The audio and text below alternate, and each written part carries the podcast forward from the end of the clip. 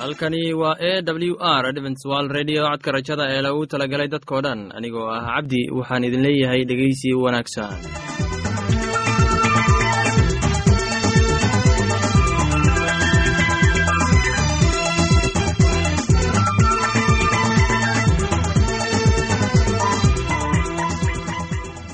barnaamijyadeena maanta waa laba qaybood. Qaybta koowaad waxaad ku maqli doontaan barnaamijka caafimaadka kadib waxaa inoo raaci doonaa cashar inaga imid bugga nolosha. Barnaamijyadeena maanta si wanaagsan u dhegeysan doontaan haddii aad qabto wax su'aal ama tala. Iyo tusaale fadlan inala soo xiriir dib ayaynu kaga sheegi doonaa ciwaanka yagu balse intaynan u guudagelin barnaamijyadeena xiisaa leh waxaad marka hore ku soo dhowaataan heestan daabacsan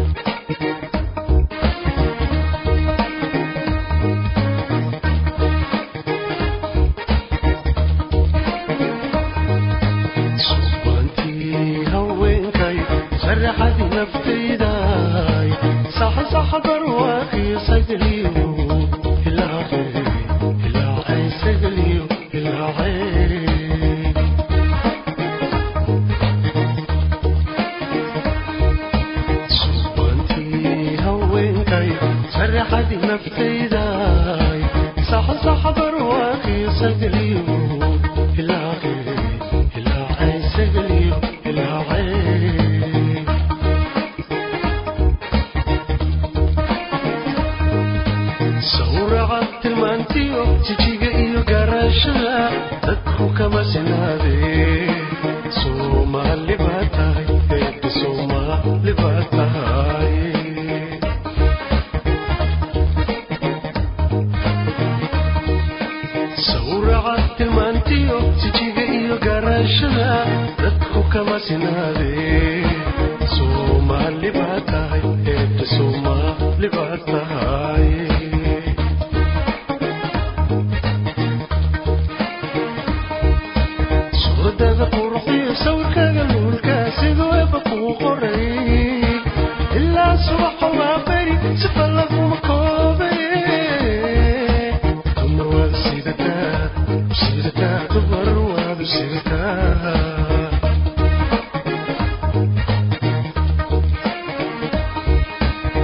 waddada quruxdiyo sawirkaaga luulka siduu eeba kuu qoray ilaa subaxa waa beri sifa laguma koobe uma waabsidaka bsidaka tabar waabsirka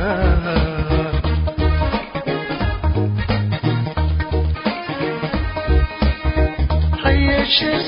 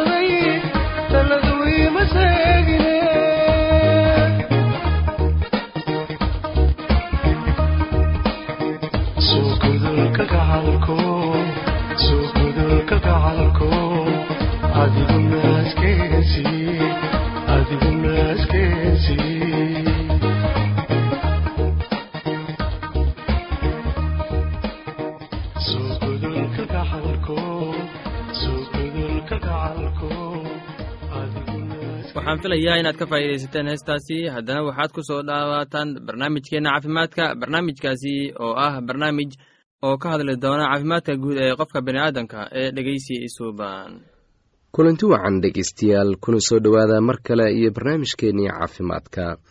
Maantana waxaynu ka hadlaynaa naasnuujinta hooyada.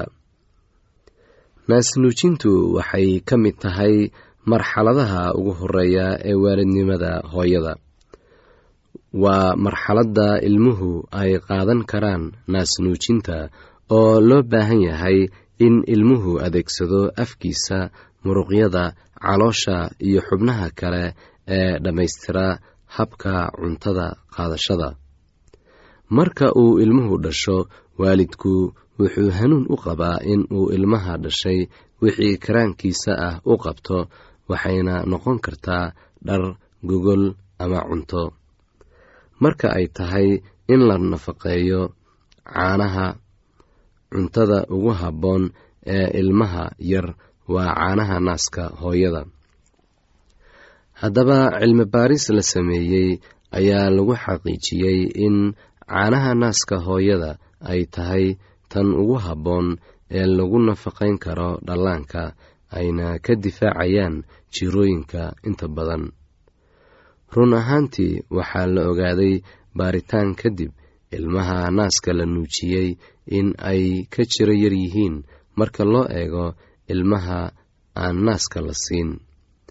Sidoo kale jirooyinkoodu aad buu u yaryahay oo weliba jirooyinka ay ka mid yihiin dhaga xanuunka infekshanka wata shubanka barabaraha cascas ee jirka ka soo yaaca elerjiga iyo jirooyin kaleba faa'iidooyinka ugu horreeya ee naasnuujinta waa nafaqada.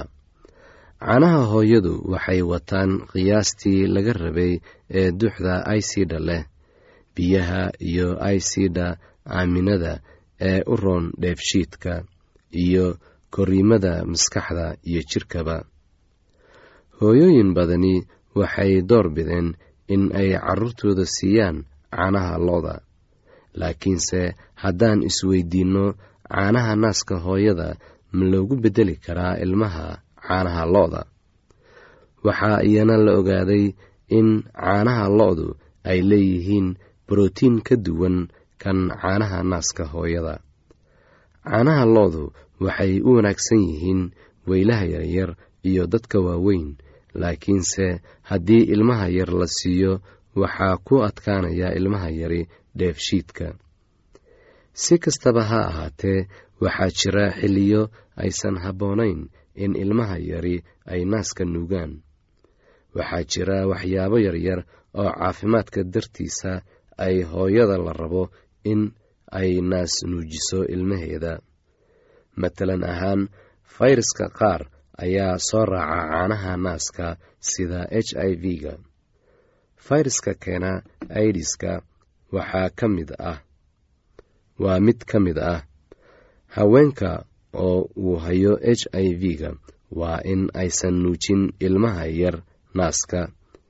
Waxaa kale oo caanaha naaska hooyada laga qaadi karaa cudurrada ay ka midka yihiin maqaarka cudurrada beerka ku dhaca iyo cudurrada infekshanka wata. Jirooyinka caadiga ah ee ay ka mid yihiin qabowga hargebka infekshanka maqaarka ku dhaca ama shubanka lagama qaado caanaha naaska hooyada. Matalan haddii ay hooyadu jiran tahay caanaha naasaheeda waxa ay wataan walxo ka difaaca ilmaha jirooyinka ay hooyada qabto waxtarna u leh ilmaha. Kansarka ku dhaca naasaha uma soo gudbaan caanaha naaska hooyada. Haweenka aan qabin cudurka kansarka naasaha sidaa caadiga ah waxay ka naas nuujin karaan naaska aan weli kansarka gaarin. Waxaa jirta ahmiyad la siiyo hormoonka yimaada xilliga ay hooyada uurka leedahay oo naasuhu irmaan yihiin waxay durba keeni karaan in kansarku uu soo noqdo laakiin lama sii xaqiijin si kastaba ha aatee cilmi baaris la sameeyey ayaa waxay muujinaysaa in naas nuujinta ilmaha ay yarayso in hooyada ay qaado kansarka naasaha. Waxaa jira dhibaatooyin ay suuragal tahay in hooyadu ay waayo aragnimo ka dhaxasho. Matalan isbuucyada ugu horreeya waxay noqon kartaa mid xanuun badan.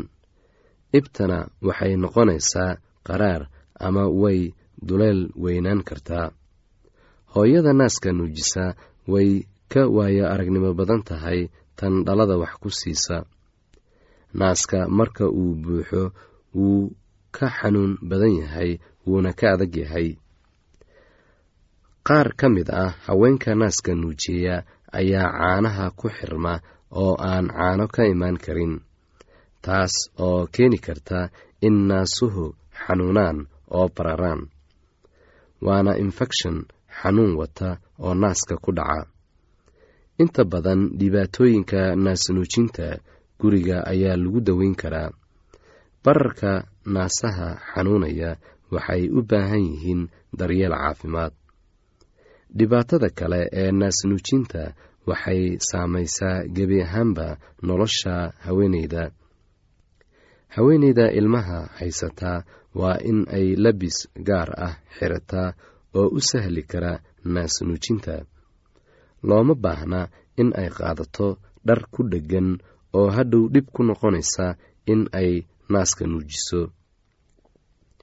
Hooyada naaska nuujisa waa in aysan sigaar cabin waayo sigaar cabiddu waxay ilmaha u keeni kartaa mantag shuban iyo nasiino la'aan. Sidoo kale waxay yaraysaa wax soo saarka caanaha naaska hooyada. Waxaa dhacdaa in dad badani ay sigaarka ku ag cabaan ilmaha yar. Inta badan aabbayaasha ama dadka qaraabada ah ayaa u badan in ay sigaarka ku ag cabaan carruurta arrintaasi waa mid khatar weyn ku ah ilmaha yar iyo hooyadaba haddaba waa in mudnaan gaar ah la siiyaa caafimaadka ilmaha yar iyo hooyada oo aan lagu ag cabin sigaar ama aan lagu ag isticmaalin wax balwad ah. Waxaa dhacda in hooyada ay ka xishooto qaraabada qaar marka ay guriga soo booqdaan oo ay sigaar ku cabaan. Taasi waa arrin aan loo baahnayn in ay hooyada yeesho waayo waxaa loo baahan yahay in ay runta u sheegto oo aan lagu agcabin sigaarka. Waxaan filayaa inaad ka faa'iidaysateen barnaamijkaasi. Haddaba haddii aad qabto wax su'aal ama talo iyo tusaale fadlan inala soo xiriir. Ciwaanka yagu waa codka rajada sanduuqa boostada afar laba laba todoba lix nairobi kenya. Mar labaad ciwaanka yagu waa codka rajada sanduuqa boostada afar laba laba todoba lix nairobi kenya. Imeilka waa somali at a w r o r g. Mar labaad imeilka yagu waa somali at a w r o r g. Ama haddii aad inala soo xiriiri rabtaan barta emesonka ciwaanka yagu oo ah codka rajada at hotmail dot com. Mar labaad codka rajada at hotmail dot com. Ama barta internetka hoyga oo ah w w w codka rajada dot o r g. Waxaad ka akhrisan kartaan falasha meesha ku jiraan iyo wixii kaloo barnaamij oo aad u moodid in ay ku anfici karaan haddana waxaad ku soo dhowaataan heestan daabacsan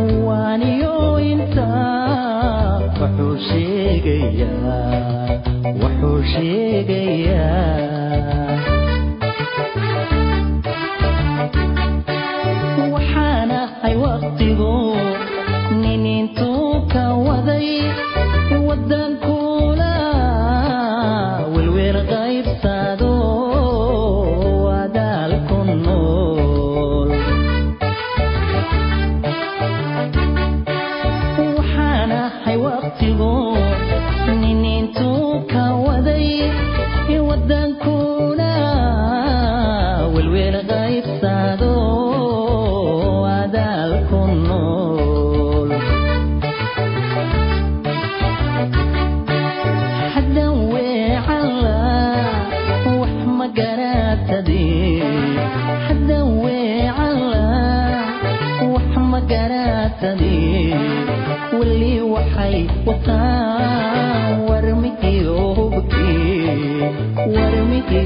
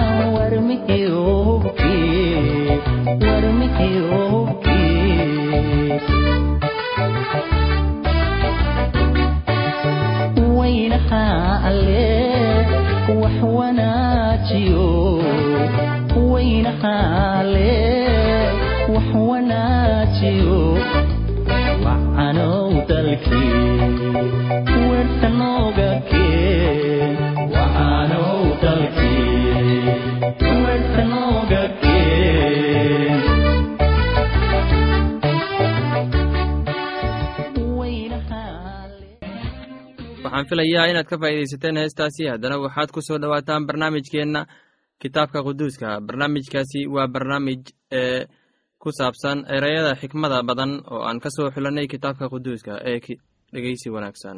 Sheem oo aabbo u ahaa carruurtii ceeber oo dhan oo ahaa yaafeed walaalkiisii weynaa. Isagana carruur buu carruur baa u dhalatay. Wiilashiisii sheemna waxay ahaayeen ceelaam iyo ashuur iyo arfakasad iyo luud iyo aaraam wiilashii aaraamna waxay ahaayeen cuus iyo xuul iyo geter iyo maash. Arfaksadna wuxuu dhalay saalax. Saalaxna wuxuu dhalay ceeber ceeberna waxaa u dhashay laba wiil. Mid magaciisa wuxuu ahaa feleg waayo waagiisii ayaa dhulka qaybsamay. Magaca walaalkiisna wuxuu ahaa yoqtaan yoqtaanna wuxuu dhalay almodaad iyo shelef iyo xaramweed iyo yera iyo hadoran iyo usaal iyo diqla iyo coobaal iyo abimael iyo sheba iyo ofer iyo xawila ee yoba kuwaasu kulli waxay ahaayeen wiilashii yokhtaan meeshay degganaayeenna waxay ku bilaabmaysay meesha marka loo kaco xagga sefaar buurta bari kuwanu waxay ahaayeen wiilashii sheem sidii qabiilooyinkoodii iyo afafkoodii iyo waddamadoodii iyo quruumahoodii ay ahaayeen. Kuwana waa qabiilooyinkii wiilashii nuux sidii farcankoodii iyo quruumahoodii ay ahaayeen oo kuwana quruumaha ka kala qaybsameen dadkii dabadiis. Dhulka oo dhammuna wuxuu ahaa isku af iyo isku hadal keliya waxaana dhacday markay xagga bari u sii socdaaleen inay waddankii shincaar meel bannaan ka heleen oo halkaas ay degeen oo waxay isku yidhaahdeen inakeena aynu lebel samayne oo aynu aad u dhuubne oo waxay dhagaxa meeshiisa u haysteen leben nuuradda meesheedana dhoobo oo waxay yidhaahdeen inakeena aynu magaalo dhisanne iyo munaarad dhaladeeda samadda gaadho oo aynu magac yeelano.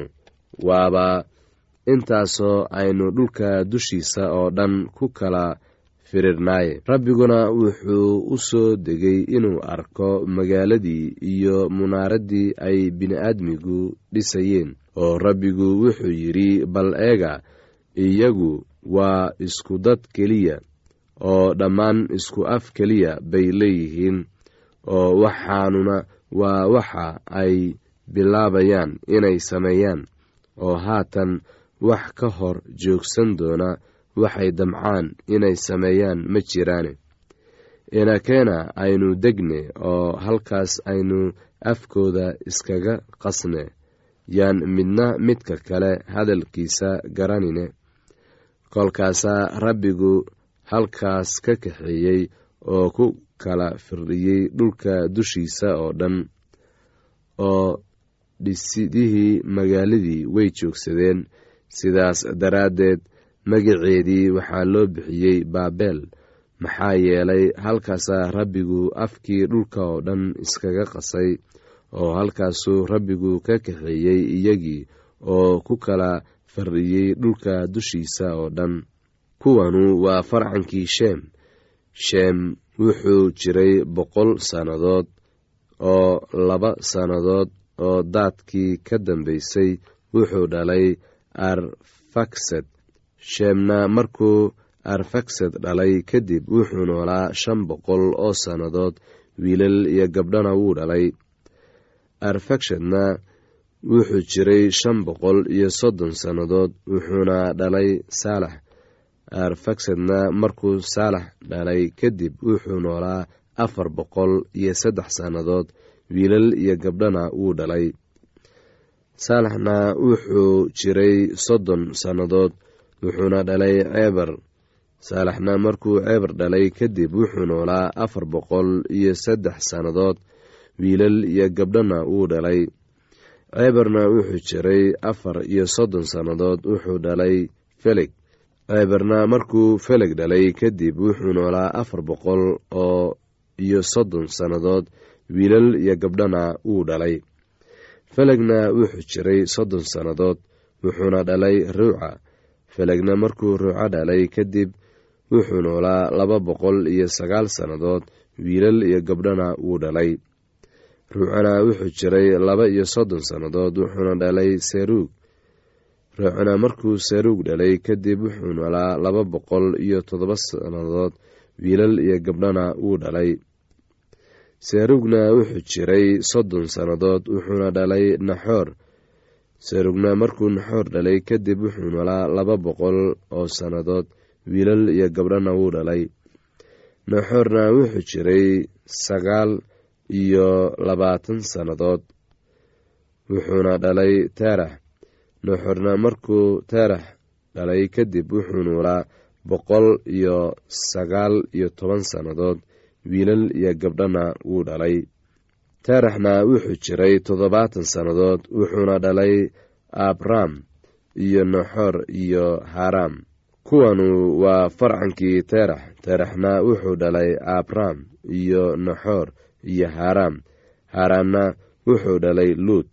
Casharkaasi inaga yimid bugga nolosha ayaynu ku soo gogobeyneynaa barnaamijyadeena maanta. Halkaad inagala socotaan waa laanta afka soomaaliga ee codka rajada ee loogu talagalay dadkao dhan haddaba haddii aad doonayso inaad wax ka faa'iidaysataan barnaamijka caafimaadka barnaamijka nolosha qoyska ama aad doonayso inaad wax ka warataan bugga nolosha fadlan inala soo xiriira ciwaanka yagu. Waa codka rajada sanduuqa boosada afar laba laba todoba lix nairobi kenya. Mar labaad ciwaanka yagu waa codka rajada sanduuqa boosada afar laba laba todoba lix nairobi kenya. Imeilka yagu waa somali at a w r o r j mar labaad imeilka yagu waa somali at a w r o r j haddii aad doonayso inaad inagala sheekaysataan barta emesonka ciwaanka yagu oo ah codka rajada oo hal eray ah codka rajada at hotmail dot com ama barta hoyga internetka ciwaanka yagu oo ah w w w dot codka rajada dot o r g dhegeystayaasheenna qiimaha iyo qadarinta mudanow barnaamijyadeena maanta waa naga intaas. Tan iyo intaynu hawada dib ugu kulmayno waxaan idin leeyahay sidaas iyo nabadgelyo